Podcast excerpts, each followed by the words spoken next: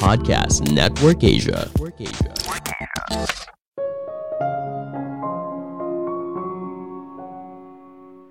Jangan fokus gagal cepat dan sering, tapi kita harus gagal dengan sadar. Halo semuanya, nama saya Michael. Selamat datang di podcast saya, Sikutu Buku. Kali ini saya akan bahas sudut pandang yang berbeda saat melihat kegagalan. Tidak melulu kita harus gagal cepat dan sering untuk belajar, tapi kita juga perlu memahami dampaknya ketika sebuah bisnis gagal, sehingga kita tidak sembrono dan gegabah dalam membuat sebuah keputusan.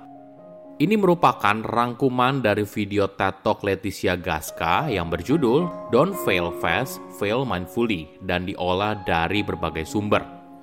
Kita merayakan para pengusaha berani yang dengan kecerdikan mereka membawa kesuksesan. Tapi bagaimana dengan yang gagal? Seringkali mereka mengubur cerita mereka sendiri entah karena malu atau dipermalukan. Alhasil mereka kehilangan kesempatan berharga untuk bertumbuh. Bagaimana bila kita mendorong para pengusaha untuk berani menceritakan kisah kegagalan mereka, sehingga pengusaha yang lain bisa belajar dan memetik hikmahnya bersama? Namun, yang lebih penting, kita perlu mengubah mindset gagal cepat, mindset yang mengatakan tidak apa kalau sebuah bisnis terlihat tidak berhasil, langsung kita tutup dan pivot ke yang lain. Hal ini tidak sepenuhnya salah, namun yang kadang luput diperhatikan adalah ketika sebuah bisnis ditutup dampaknya tidak hanya bagi si pengusaha seorang, tapi banyak orang lain juga terdampak, mulai dari karyawan, mitra, pemasok, dan sebagainya. Mereka semua mungkin saja kehilangan penghasilan akibat bisnis yang ditutup. Inilah sudut pandang yang baru dalam melihat kegagalan. Kalau ketika pada akhirnya harus gagal, maka kita perlu gagal dengan sadar. Sebelum kita mulai, buat kalian yang mau support podcast ini agar terus berkarya, caranya gampang banget kalian cukup klik follow. Dukungan kalian membantu banget supaya kita bisa rutin posting dan bersama-sama belajar di podcast ini.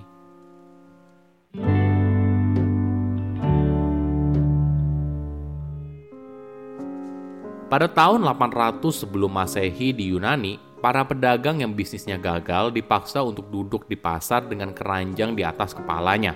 Sedangkan di abad ke-17 di Perancis, pebisnis yang bangkrut akan dibawa ke tengah pasar di mana kebangkrutan mereka diumumkan secara luas. Untuk menghindari di penjara, maka mereka harus memakai tudung kepala berwarna hijau. Jadi semua orang tahu kalau mereka gagal. Tentu saja ini adalah contoh yang ekstrim, tapi perlu diingat, ketika kita sebagai masyarakat atau pemerintah menghukum mereka yang gagal, maka kita akan menghambat inovasi dan lahirnya bisnis baru yang merupakan pendorong ekonomi. Di masa sekarang, kita tidak secara belak-belakan mempermalukan pengusaha yang gagal. Mereka juga tidak menyebarkan kegagalannya secara luas. Yang terjadi saat ini adalah mereka menyembunyikan kegagalan, entah karena malu atau takut dicemooh orang lain. Tentu saja saya paham, bercerita soal kegagalan memang tidak mudah. Leticia bercerita pengalamannya sendiri. Dia butuh tujuh tahun hingga akhirnya berani bercerita soal kegagalan bisnisnya. Ketika masih kuliah dan belajar bisnis, Leticia bertemu dengan wanita penduduk asli. Mereka tinggal di lingkungan pedesaan miskin yang berada di Meksiko Tengah. Para wanita ini membuat kerajinan tangan yang indah. Ketika Leticia melihat produk tersebut, dia memutuskan untuk membantu para wanita. Leticia dan beberapa temannya lalu mendirikan sebuah usaha sosial dengan misi tidak hanya untuk mencari keuntungan pribadi, tapi juga membantu para wanita ini untuk mendapatkan penghasilan tetap dan pada akhirnya meningkatkan kualitas hidup mereka.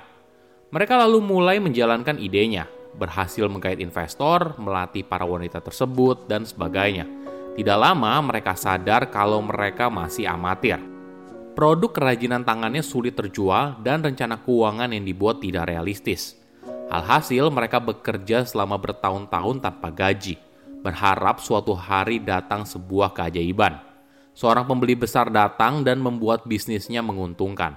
Tapi sayang, keajaiban itu tidak pernah datang. Pada akhirnya, mereka harus membuat keputusan yang sulit, yaitu menutup bisnisnya.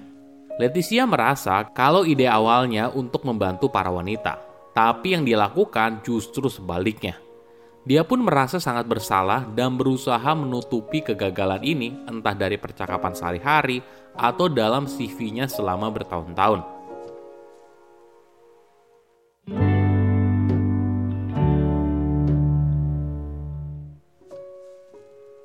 Hingga suatu hari ketika Leticia bertemu dengan rekan pengusaha yang lain – dalam percakapan itu lalu mulai dibahas topik soal kegagalan bisnis. Leticia lalu berusaha mengakui bisnisnya yang gagal. Rekannya yang lain juga bercerita hal yang sama. Di momen itulah dia sadar kalau dia tidak sendirian. Leticia lalu mulai berpikir dua hal. Pertama, dia bukanlah pebisnis gagal seorang diri.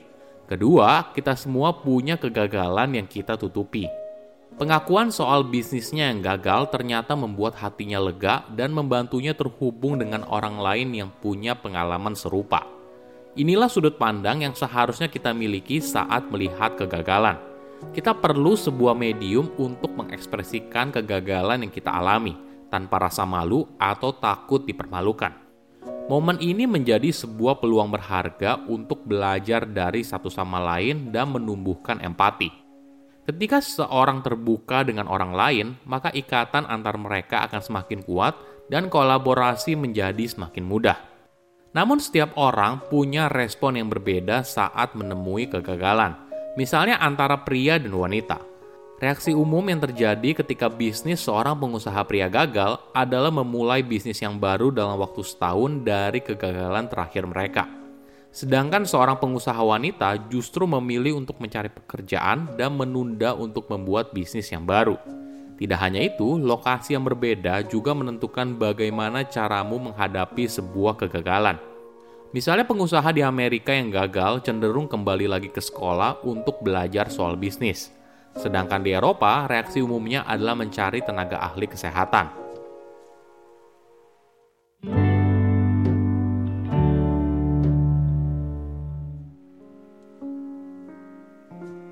Jika bicara soal kegagalan, mungkin kita sering dengar ungkapan fail fast, fail often. Ungkapan ini populer di kalangan pebisnis teknologi di Silicon Valley dan mungkin di seluruh dunia. Tentunya, jika kita sadar kalau bisnis kita akan gagal, maka secepat mungkin kita menutup bisnis tersebut merupakan opsi terbaik untuk mempercepat pembelajaran dan mengurangi waktu yang terbuang. Namun, jika ungkapan ini dijalankan semua orang, mungkin saja akan tercipta generasi pengusaha yang mudah sekali menyerah. Generasi pengusaha yang tidak memperhitungkan dampak dari bisnisnya sendiri. Sebagai contoh, Ketika bisnis sosial Leticia gagal, bagian tersulitnya adalah ketika dia harus datang ke komunitas wanita penduduk asli Meksiko dan mengatakan kepada mereka kalau bisnisnya gagal, sekaligus mengakui kalau itu adalah kesalahan dia. Bagi kebanyakan orang, kejadian ini mungkin dilihat sebagai kesempatan terbaik untuk belajar. Namun kenyataannya, ketika bisnis bangkrut, ada dampak yang lebih besar, bukan hanya pada Leticia sendiri, tapi juga kehidupan para wanita itu yang akhirnya kehilangan penghasilan yang sangat mereka butuhkan. Mungkin kita butuh sudut pandang yang lain. Bagaimana bila fail mindfully? Kita perlu memahami kalau bisnis itu dibuat dari sekelompok orang. Sebuah bisnis bukan hanya sebuah entitas yang bisa muncul dan menghilang tanpa konsekuensi. Ketika sebuah perusahaan bangkrut, ada karyawan yang kehilangan pekerjaan ada orang yang kehilangan uang, dan pada kasus usaha sosial, maka kebangkrutannya memiliki dampak negatif pada komunitas yang mereka bina selama ini. Inilah sudut pandang lain yang perlu dimiliki para pengusaha ketika mereka menyadari dampak dan konsekuensinya dari bisnis yang gagal. Menyadari semua pelajaran yang bisa dipetik dan punya tanggung jawab untuk membagikannya kepada dunia. Saya undur diri, jangan lupa follow podcast Sikutu Buku. Bye-bye.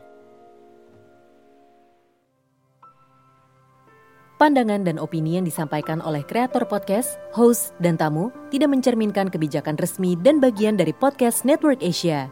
Setiap konten yang disampaikan mereka di dalam podcast adalah opini mereka sendiri dan tidak bermaksud untuk merugikan agama, grup etnik, perkumpulan, organisasi, perusahaan, perorangan, atau siapa pun dan apa pun.